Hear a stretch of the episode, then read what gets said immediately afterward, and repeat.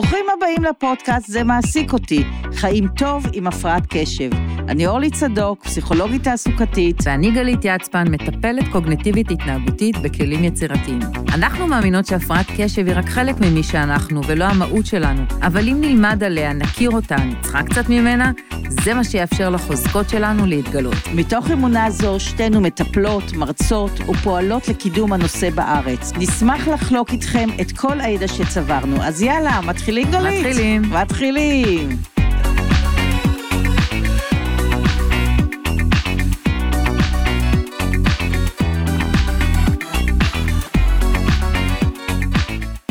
מנהל אותנו, אורלי? שאלה טובה. אנחנו, ואני לא מקנאה במנהל הזה, תאמיני לי. כוח הרצון שלנו. אה, אז זהו, אנחנו מדברים ככה על תפקודים ניהוליים, וניתן אה, הגדרה למה זה, שאנשים יכירו את המושג, כי אנחנו נשתמש בו הרבה בפודקאסטים הבאים, ובכלל אנחנו משתמשים בו הרבה כשמדברים על הפרעת קשב, אבל לפני זה ניתן תרגיל, אוקיי? אנחנו מתחילות את הפודקאסט, ואתם, איפה שאתם נמצאים, צריכים לפחות במהלך הזמן הקרוב, ניקח נגיד עשר דקות, עשר דקות זה טוב. צריכים לספור כמה פעמים אמרנו את המילה הפרעת קשב. או-אה, יש להם עבודה ממש ממש קשה. שימו לב, נראה אם תצליחו. יש פרס לסופר הנכון, סתם. למה? אולי ניתן, יאללה. ארוחה, אצלי או אצלך? יאללה. ארוחת יום שישי עם אני לא המשפחות בטוחה שלנו? שזה פרס גדול כל כך, אבל. בסדר. זה יותר עונש שאת אומרת ככה, נו, נצטרך להתכונן, לא, להכין. נכון, אבל גם בשבילנו. נכון.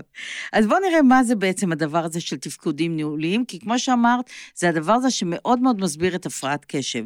אז אם אנחנו מתייחסים להגדרה של זה, זה אז יסוד ש... יסודו שליטה, בקרה וויסות. הרבה אנשים חושבים שהפרעת קשב, אוקיי, אתה לא מקשיב, אז big deal. זה לא נכון.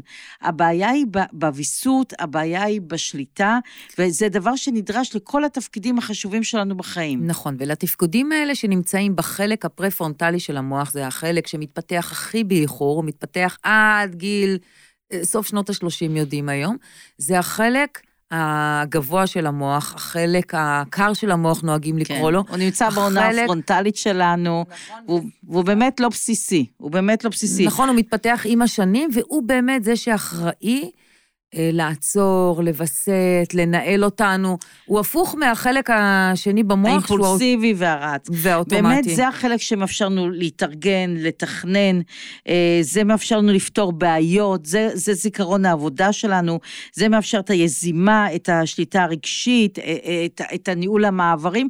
כלומר, בעצם אנחנו מדברים על החלק שמאפשר לנו להיות בן אדם מבוגר. כי בן אדם... מישהו צעיר, ילד, עושה מה שבא לו, צוחק, בוכה, נרדם באמצע, באמצע שיעור באמצע ארוחה, וזה בסדר גמור. אבל כשבן אדם מבוגר עושה מה שבא לו, איך שבא לו, ואיך שהוא רוצה לעשות את זה, בלי- מבלי להתחשב באחרים, מבלי להתחשב בתוצאות ובהשלכות, זה כמובן מאוד מאוד בעייתי. והרבה פעמים אנשים הפרעות קשב באמת נראים קצת ילדותיים. נכון, לא סתם, כי באמת החלק הזה אצלהם מתפתח באיחור, אז כאילו מצופה ממנו שהוא כבר יעצור ויגיד זה לא מתאים ואני לא אפלוט עכשיו את התשובה. יש לי איזה תכנון לעשות משהו, אז אני אוכל להוציא לפועל. החלק הזה בעצם אחראי על להוציא לפועל את הדברים Mm-hmm. שאני אמור לעשות, ולפעמים הם אה, משימות ארוכות טווח, ובגלל שאנשים עם הפרעת קשב, הם עונים באימפולסיביות, הם, הם מסתכלים מה שקורה הרגע, המוח הקר שלהם, אה, סליחה, המוח החם שלהם עובד. כי, כי מה שאת באמת מסבירה, את מסבירה על דחיית סיפוקים. וזה באמת דבר מאוד חשוב. יש את הניסוי המאוד מפורסם הזה, שנעשה בארצות הברית, שנתנו לילדים צעירים לבחור האם הם רוצים לקחת את המרשמלו עכשיו, או מוכנים לחכות 5-10 דקות ולקבל שני מרשמלו. מהמם. ובאמת עקבו אחריהם הרבה מאוד שנים קדימה, וראו שיש קשר מאוד מובהק בהצלחה בין אלה שהצליחו להתאפק, לדחות ולקבל שני מרשמלו, על פני אלה שקיבלו מרשמלו אחד. ההימור, את זה לא בדקו, אבל ההימור שלי, שאלה שלקחו מרשמלו אחד, הם אלה עם הפרעת הקשב. כי על לעצור, על לדחות ולהגיד, אני לא עושה מה שבא לי עכשיו, למרות שבא לי עכשיו, אני עוצר את זה, אני מתאפק, אני עושה משהו אחר, שבאמת לא בא לי לעשות אותו, אבל הוא ייתן לי לטווח ארוך את הפרס, את, ה, את הדבר הטוב, את הדבר הזה שאני צריך להגיע, זה באמת היסוד של ההצלחה והניהול הדברים בחיים, וזה באמת משימה משימה מאוד מאוד מורכבת לאנשים עם הפרעת קשב, לא כי הם לא רוצים, הם כן רוצים, נכון. הם כן מעוניינים. אבל מה שחסר להם, וזה מה שאני אוהבת בספר, יש את הספר, אתם יכולים לקנות אותו בעבר, אה, בעברית על ניסוי המרשמלו, מה שאני אוהבת בספר, זה בעצם את המחקר שעשו על בנים ועל בנות, ועל כל מיני אסטרטגיות שאנשים משתמשים בהם כדי אה, לעשות אה, ויסות ושליטה רגשית, ו... אה, וזה אסטרטגיות מעניינות, אנחנו נעשה על זה פרק מיוחד על uh, שליטה עצמית וויסות. Uh, אבל זה, זה לא משהו שבא באופן אוטומטי. זאת אומרת, אנחנו צריכים אצל להפעיל... אנשים רגילים זה בא באופן אוטומטי, נכון. אצל אנשים הפרעת קשב זה לא בא באופן אוטומטי. בדיוק, למה? כי יש לנו פגיעה בתפקודים הניהוליים, זאת אומרת, אותו חלק שהוא, וזה נמצא במוח, זאת אומרת, הוא, הוא תלוי בהתפתחות של המוח שלנו, הוא תלוי במוליכים העצביים, הוא תלוי בכמה רמות דופמין אנחנו מקבלים. ולא עניין של מוטיבציה, חשוב מאוד להבין את זה, כי אומרים, אוקיי, מה הבעיה, אתה לא מקשיב, אז מה הבעיה פה? להבין שזה לא רק הקשבה, להבין שבעיית קשב נוגעת בכל תפקודי החיים, בכל מישורי החיים, כי תמיד אנחנו צריכים לזכור, תמיד אנחנו צריכים לווסת, תמיד אנחנו צריכים לדחות סיפוקים, תמיד אנחנו צריכים להתאפק, וכל הדברים האלה, הם פוגעים בכל מישור, זה לא במישור אחד. אז אנחנו באמת רוצים להציג את זה כדי שאנשים יבינו עם מה אנשים עם הפרעת קשב מתמודדים, ולהבין שזו התמודדות יומיומית, רגע ברגע, והיא באמת לא פשוטה. נכון, כי תפקודים ניהולים אנחנו בעצם צריכים, זה כמו... אם נעשה לזה הסבר פשטני, זה כמו, אה, אה, נהוג להגיד שזה כמו מנצח של תזמורת, שהוא טיפה נרדם וישן, או מנכ"ל של חברה שהוא בעצם לא בקשר עם העובדים. והוא לא מצליח לאסוף אותם, לארגן אותם, אין ישיבות, כל אחד עושה מה שהוא רוצה, כנראה הוא לא יחזיק הרבה זמן בתפקיד, הוא גם uh, מאבד את הכספים, את הרשימות, הוא לא, הוא לא מבוסת בעצמו, ואם אין מנכ"ל לחברה, אף חברה לא יכולה להתנהל בלי מנכ"ל. זה דימוי נהדר. ככה אנשים עם הפרעת קשב מתנהלים כאילו הם חברה רק בלי מנכ"ל. המנכ"ל פוטר. וזה מה שקורה, יש את הסרט הנהדר הזה, הכל בראש, כן. שממש רואים את זה, את האחראית, זה שם האחראית המבוגרת שהיא על ההגה, ומה קורה שכל מיני חלקים משתלטים. אז המוח של הפרעת קשב באמת מנוהל כמו, כמו שמנוהל שם בחלק מהזמן, אבל שם, אצלנו עם הפרעת קשב, זה כל הזמן, כל הזמן חלק אחר חוטף את ההגה, כל אחד חלק אחר מוביל, וחלק שאומר, אני רוצה לנוח, לא, אני רוצה לעשות, לא, אני רוצה לבלות, לא, אני צריך לעשות עבודה, רגע, בעצם אני רעב, אני אעשה אוכל, לא, רגע, מה עם האוטו, עוד מעט סוגרים את המוסך, אני חייב ללכת לתקן את הסטארטר. כלומר, כל הדברים האלה, כל פעם חלק אחר קופץ, כל פעם חלק אחר לוקח את ההגה, ואז אנחנו מבולבלים, אין, כמו שאת אמרת, אין מישהו שמנהל את העניינים ועושה ויסות, ורואה מה יותר חשוב, מה פחות חשוב, מה עושים עכשיו, מה עושים אחר כך, ואז התוצאה היא חיים מאוד מאוד מבולבלים. נכון. תראי, מוח זה דבר מאוד, אה, מאוד מורכב, ואנחנו רואים את ההתנהגות בסוף, אנחנו צריכים להבין כמה המוח שלנו, כמה פעולות הוא צריך לעשות. אז אם נעצור רגע ונשאל את מי שעשה את התרגיל תוך כדי שדיברנו, האם הוא הצליח לספור? אה, ואיך הייתה החוויה הזאת? זאת אומרת, מה, האם הוא שמע מה אנחנו אומרות, או היה עסוק בלספור? אה, בעצם זה לא פעולה אוטומטית. כלומר, קשה לעשות את שני הדברים האלה ביחד, גם להקשיב, גם uh, לספור, ולא לדבר אם בזמן הזה אתם גם נוהגים, או רצים על חוף הים, או מסדרים את הבית, זה באמת עושה את זה מאוד נכון, מורכב. נכון, ולכן...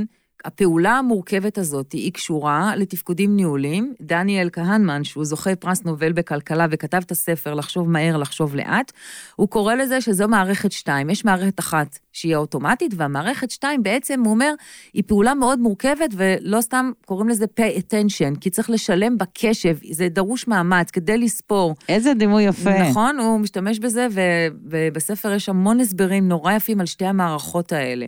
המערכת אחת האוטומטית והמערכת השנייה, שאנחנו צריכים, כמו לחשב אה, כמה זה 12 ועוד 17, או כפול, נכון? יותר קשה.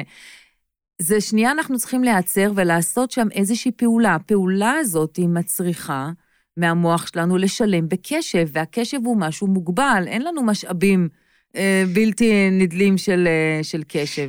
דווקא את אותה מערכת אוטומטית שאת מספרת עליה, אצל אנשים הפרעת קשב הרבה פעמים מאוד טובה. הם קולטים מאוד מהר, הם מאבדים מהר, הם יכולים, זה מה שעושה אותם לפעמים, היה כזה ספר הציידים והלקטים, mm-hmm. שאמרו שהפרעת קשב, אנשים עם הפרעת קשב הם ציידים טובים יותר, כי הם מגיבים מהר, כי הם קולטים מהר, כי האינסטינקטים שלהם מאוד מאוד מהירים, ובזה הם טובים, שצריך לעשות מהר ואוטומטי. אבל צריך לווסת ולעשות שיקול ש... דעת, זה כמובן הרבה יותר מורכב. בדיוק, מה קורה שאתה רואה טלוויזיה, עושה איזה משהו כיף, ועכשיו אתה צריך לעבור לפעולה אחרת וצריך ללכת להתקלח. להתחיל, זה מאוד קשה. או שאתה יושב ואתה אומר שזה בדיוק, אה, אה, אם ניקח את התפקודים הניהולים, אז התפקודים הניהולים אחראי, אחראים למעורבות שלנו במשימה. זאת אומרת, אני יושבת עכשיו, אני צריכה להכין ארוחת ערב, ואני אומרת, לא, לא, אני לא יכולה, עד שאני לא מסיימת להרכיב את הכיסא מאיקאה ש... אמיתי, ש, אה, שהתחלתי, אני לא יכולה לעבור למשימה הבאה. על מה אחראי, התפ... מי אחראי על זה שאני אעבור למשימה הבאה? התפקוד הניהולי הוא אחראי לכמה מאמץ אני אשקיע במשימה, כמה אנרגיה, איך אני אעצור, איך אני אעבור לפ... לפעילות אחרת, הוא אחראי לגמישות המחשבה. ובכלל שתזכרי שאת צריכה להכין ארוחת ערב. נכון. ובכלל שתביני שאם את צריכה להכין ארוחת ערב, זה לא לוקח חמש דקות, זה לא שבשבע אוכלים ובחמישה לשבע מתחילים לעשות את זה. אז הוא אחראי. אז כל לה... התנהלות עם כל הפרטים המורכבים האלה... אז הוא אחראי גם לזמן. כן, בהחלט. המנהל הזה אחראי גם על הזמן, גם להעריך כמה זמן זה ייקח לי, הוא גם אחראי על איתחול. תמיד נדמה לי שיש עוד זמן, אז הוא אחראי על התחלה או אחראי על הערכה של זמן. העניין של הזמן הוא מאוד מאוד מורכב, אנחנו נפרט את זה לחוד, אבל כל העניין שבאמת הערכת, הערכת הזמן, כמה זמן נשאר לי, היעילות. כמה זמן עבר, היעילות, כמה זמן ייקח לי לעשות כל דבר, mm-hmm. זה בהחלט תפקוד ניהולי, וזה, כמו שאנחנו יודעים, זה מאוד פגוע עם הפרעת קשב. אז מה אנחנו מנסים רגע, להגיד פה? רגע, עוד משהו שחשוב כן, שדיברת כן. על, אה, שהם יכולים להתמקד ב, ב, בדברים שמושכים את תשומת ליבם, אבל המערכת הגבוהה, מערכת 2, שזו המערכת של התפקודים הניהולים, היא אחראית לזה שאנחנו נישאר קשובים לאורך זמן. נכון. לא עכשיו התעסקנו בגירוי, אבל לאורך זמן נישאר אה, קשובים לפעילות משעממת. פה אנחנו כבר צריכים את מערכת 2, שהיא כבר זאתי שלוקחת אה, ממחסני הקשב. כי היא גם זוכרת למה אנחנו צריכים לעשות את זה, היא זוכרת את המטרה. ואם אנחנו מאבדים את, ה, את המשמעות של המטרה, או לא זוכרים אותה, או זוכרים אותה, אבל במין ערפול כזה, ולא מצליחים לקשור אליה את הרגש, אז היא נעשית לא משמעותית, והחוויה של התסכול, של הכאן ועכשיו, תופסת את כל המקום, כי שוב, אין שום דבר שיווסת אותה, אין שום דבר שירגיע אותה, אנחנו מאוד נתקשה להתמיד לאורך זמן. אז, אז אם ניקח את סוג המנהל, אנחנו יכולים להגיד שסוג המנהל הזה, שיושב במוח, הוא מפקח על ההתנהגות, נכון? בהחלט. הוא אה, אחראי אה, לעשות ויסות. שזה הדבר הכי חשוב, להגיד מה יותר ומה פחות, שזה מה שעוזר לנו לקבל החלטה. ולהגיד מה נכון לעכשיו, וזו פעולה אקטיבית, כי כל הזמן מה שנכון לעכשיו משתנה, ומה עולה על הבמה ומה יורד מה, מהבמה באמת אה, לוקח מקום אחר. נכון, הוא גם אחראי לווסת את הרגש שלנו. לגמרי. האם נענה או לא נענה. הוא זה שמזהה כשאתה עומד לעשות טעות, ובגלל זה כשאנשים אומרים לאנשים הפרעת קשב, אבל איך לא שמת לב? וכשאתה עושה טעויות טיפשיות, זה בדיוק, זה המערכת 2, או המערכת אה, של התפקודים ניהולים שלא עובדת אצלנו כמו שצריך, בגלל שהמוח שלנו בנוי אחרת, ורואים את זה באמת בצילומים, גורמת לנו לעשות את הטעויות האלה. לגמרי, וזה לא קשור להבנה. אנשים יכולים להגיד, אני יודע שלא הייתי צריך לנהוג מהר, אני יודע שזה לא טוב לי לאכול את הדבר הזה או עכשיו. או לענות למישהו. או, או להישאר עוד חמש דקות במיטה. אני יודע, אני מבין את זה. יש את הקול הזה שאומר, צריך לקום, צריך אה, להפסיק לנסוע מהר, אבל עדיין, בגלל שאין את מי שבאמת ינהל את זה, הידיעה הזאת נשארת איפשהו מעורפלת אי שם ככה מאחורי הראש, והיא לא באה, היא לא באה לפרונט והיא לא מנהלת את הסיטואציה, היא נמצאת שם. שוב, זה אנשים עם הפרעות כשהם מודעים, הם יודעים, הם מבינים, אין להם שום בעיית הבנה. אבל עדיין לגרום שאותה מחשבה, היא תנהל את העניינים, ולא מה שבא לי באותו רגע, אותו ויסות, זה באמת משימה מאוד מאוד קשה לאנשים הפרעות קשב. והדבר הכי חשוב, כשאנחנו מבינים שהפרעת הקשב היא קושי בתפקודים ניהולים, אנחנו יכולים להתחיל לפתח מנהל, למנהל. אנחנו יכולים... מנהל עזר. מנהל עזר, מנוע עזר חיצוני, בדיוק. אנחנו יכולים, זה בעצם הגנרטור. מעקפים ותיקונים. מעקפים ותיקונים, אפשר לקרוא לזה גנרטור. אנחנו צריכים גנרטור חיצוני, כשכמו שאין מערכת חשמל, אנחנו לא נבנה על זה שהחשמל, אה, נכון, אנחנו באמצע מסיבה. ואין לנו חשמל, אנחנו בן אדם שרוצה להתארגן מראש, מביא גנרטור. שיש, שיש לו תפקודים ניהולים טבעיים, הוא מתכונן מראש. יביא גנרטור. אנחנו כנראה שלא, אבל כדי לחיות טוב, אנחנו כנראה נעשה מסיבה בחושך, ואחר כך יהיה לנו סיפור לכל החיים. כן, נכון. ואיזה פתרון מצאנו באותו רגע. אבל אם ניקח את זה כדימוי למוח, אז בעצם כדי להצליח, למרות הקושי בתפקודים ניהוליים, ועל זה אנחנו נדבר בשאר הפרקים שלנו, איך בכל זאת לגרום לנו, איך בכל זאת אפשר למצוא פטנטים כדי להצליח לנהל, לווסת, להתארגן, לא לדחות, כל הדברים האלה באמת מצריכים כישורים, אה, צריך גנרטור אה, טוב שיעבוד מבחוץ, וזה אנחנו, זה מה שאנחנו ועל זה עושים פה. נדבר, על הגנרטור הזה. כן. אז בעצם אנחנו מדברים על כמה עקרונות. מדברים על עיקרון אחד, להבין שזה לא מוטיבציה, זה לא שאני רוצה להיות עצלן ולשכוח דברים ולא לתפקד, זה לא זה כי לא לא שאני לא התאמצתי. זה לא שאני לא אחראי, זה לא שאני ילדותי. אין לי את החלק הזה במוח. יש, אבל הוא עובד אחרת. הוא עובד אחרת, והקטע של הוויסות וה- והקטע של התפקודים הניהוליים הוא באמת מחורר, הוא ישנו, אבל הוא מאוד חלקי נקרא לו. ואז העניין זה לצ- לצעוק או להתרגז, למה לא עשית, אבל אמרתי לך, אבל כבר כמה פעמים הסברתי לך, אבל ביקשתי ממך, איך אפשר לא להבין את זה? כן, אפשר לא להבין את זה, שהחלקים המסוימים במוח לא להבין. כלומר, מאוד חשוב להבין, זה באמת פגיעה, זה באמת נכות, זה משהו נורולוגי, זה לא משהו שמישהו לא רוצה לעשות, זה עיקרון אחד. עיקרון שני, להבין שמה שלא אוטומטי, חייבים להחליף בצורה לא אוטומטית. מה שלא עובד בצורה אה, פנימית, צריך לעבוד בצורה חיצונית, על ידי כל מיני אסט- אסטרטגיות והתנהלויות, וגם את זה אנחנו נדבר. והעיקרון השלישי זה לקבל ולאהוב את זה, כי זה מה יש, ועם זה ננצח. נכון, אני, אני אוסיף עוד דבר אחד, שברגע שאתה נותן לזה שם ושם טוב, אה, זה גם פותח את הלב וגם אתה מבין מה, אה, מה עומד מולך. זאת אומרת, אני כאימא וכמטפלת, אני מלמדת הורים לתת יד לילד ולהגיד, אוקיי, מה שעומד ביני ובין הילד לבין השיעורי בית, זה הקושי שלו באתחול. ברגע שנתתי לזה שם, כי אני יודעת שיש לו קושי בתפקודים ניהוליים, ואני הולכת לעשות איזושהי בדיקה, מה מהתפקודים הניהוליים הכי קשה לו, איפה המקומות שבהם הוא נתקל בקושי, ואם אני אמצא את השם, ואני אדע איך קוראים לדבר הזה, קושי באתחול, אה, אה, קושי בוויסות רגשי, אה, דחיינות, אנחנו נמצא את השם, אנחנו נוכל ביחד לעזור לו, למצוא את הגנרטור החיצוני או את הפטנטים שיעזרו לו, ואז הוא ואני מול הדבר הזה. זה באמת חשוב לזכור שזה באמת מגבלה ונכות קיימת. הרי לא, לא נכעס על אף אחד ולא נצעק על מישהו נכון. שעיוור שהוא לא ראה, או מישהו שהולך עם קביים, למה הוא עולה... ונופל, ועושה נופל טעות. או עולה לו מהר במדרגות. אף בן אדם נורמלי. או סביר לא יעשה את זה. אבל משום מה, בגלל שזה מופשט, בגלל שזה נראה מוזר, בגלל שאנחנו לא מבינים, אנחנו מרגישים מאוד חופשי לצעוק על מישהו עם הפרעת קשב, למה לא עשית, למה לא זכרת, למה לא למדת, אתה למה כבר היית. אמור לעשות את זה. כבר היית אמור, היית אמור להתגבר. ואנחנו צריכים באמת לזכור, זה הפרעה, זה קושי כמו כל, כל קושי אחר. זה לא אומר שצריכים לוותר, אנחנו מדברים על 100% אחריות. 0% אשמה, אתה לא אשם שיש לך את ההפרעה הזאת, אבל 100% אחריות. אתה צריך נכון. לקחת את האחריות הזאת ולנהל את החיים שלך בצורה מסודרת, אבל עדיין להבין שזה באמת באמת קשה, והרבה פאשלות יקרו, ושני הדברים האלה להחזיק אותם ביחד.